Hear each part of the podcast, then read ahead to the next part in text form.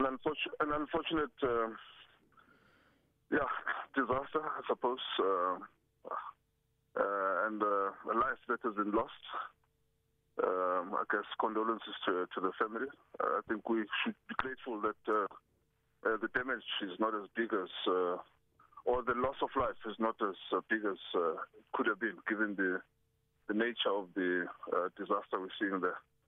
Uh, but of course, I think uh, we'll, we will see a lot of um, suffering there for businesses, for commuters, for households, uh, people that are living uh, in those uh, uh, high-rise buildings uh, along the street. So, yeah, I think it will have a huge impact. Um, it's a pity, but uh, hopefully it's something that could have been prevented. But yeah, we're here now. Mm, and and and last that just on that very last point that you've just raised there I suppose uh, given what we've seen in the past in terms of the alarm bells that were raised this didn't take you by surprise No certainly not um we've been we've been seeing uh, this coming through I mean for instance uh, if you look at the uh, the main road area uh, we have companies there who are stakeholders of the of the infrastructure uh, protection unit to who've been affected by illegal mining, for instance. Whenever there's underground blasting, uh, their windows would shatter, their driveways would collapse, their fences uh, would, would, would, would collapse, uh, and so forth. Uh, uh, some business people actually in Rudaport have reported that they've had movement underneath uh, their uh, their buildings. So, yeah, I guess not a surprise at all.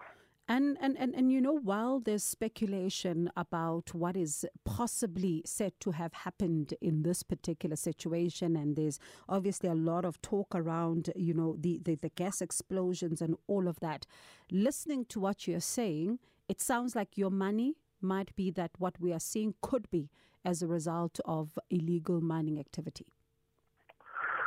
Well, it's difficult to say uh, right now because. Uh Yeah, there is that uh, activity taking place that we know for a fact that, that could have impacted this. And uh, we know that there's been blasting from time to time of, of dynamite for people to, the miners, to try and release uh, the remainder of the gold that, that is still there from the uh, pillars that are holding up uh, the ground. So we know that that has been happening um, because the, the, the, the, the tenants along that gold reef have reported uh, movement from time to time. Mm.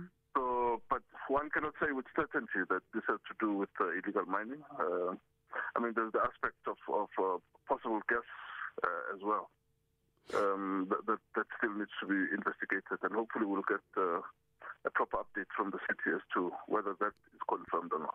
Mm, and and and you know around this particular issue around the, the the gas pipelines and I remember back in 2018 there were areas like for example um Matolisville, Rodiport, Florida, Robertville, you think about Rivoli, you think about Nasrec, Langlaagte, Highgate etc that yeah. were under um you know focus at the time to say that these are the areas that may be impacted should we see a situation like this unfold in the future and I wonder if those areas have grown given what we've been seeing in terms of activity and how much of a concern would you say that is for you Well, it's, it's ongoing. I think if, if, if, if anything, uh, the human settlements are growing in those areas. Uh, and yes, there is a real threat because people are encroach, encroaching uh, not only on the gas pipelines, but there's a, um, uh, the, the, the fuel, the fuel pipelines also that get uh, affected from time to time. And we've seen that happen uh, in Matolasville. We've been out there several times.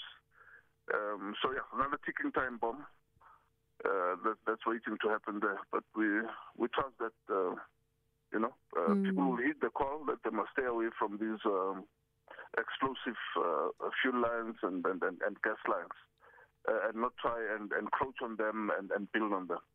Uh, because uh, that's the real threat that uh, uh, that is taking place right now. For uh, you, uh, but also, yeah, okay. pardon me, for you, what are some of the easy wins that should be done right now in order to try and alleviate and eh, eh, you know further impact in the future? Well, the horse has bolted. Uh, sadly, uh, yeah. If you asked this question in 2018, you know the mm. the, the ideas would have flown. But uh, not all is lost. I guess uh, government has a responsibility to, to to restore order. So yeah, I think uh, I suppose uh, doing some form of uh, enforcement to ensure compliance uh, with um, uh, the issue of uh, uh, uh, uh, servitude uh, usage for, for, for the gas users, the the pipeline, the, the, the fuel pipeline transporters, and so forth.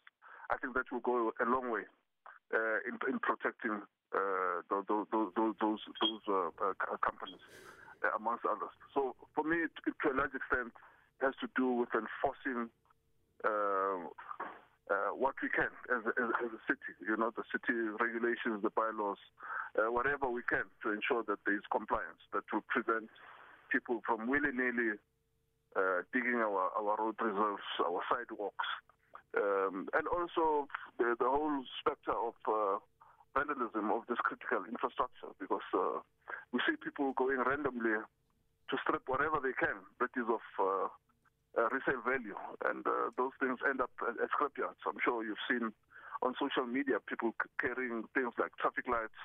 Uh, Izijonganyoga is now part of our lives. We know that.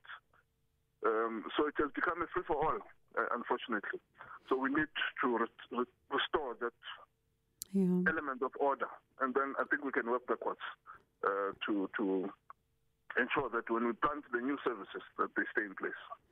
All right, so uh, let's see then uh, what happens with that one. But thank you so much uh, for your time. We do appreciate it here on the show. That was a former employee at Joburg Roads Agency, and he's now an independent consultant, Colonel Cassius Mackay.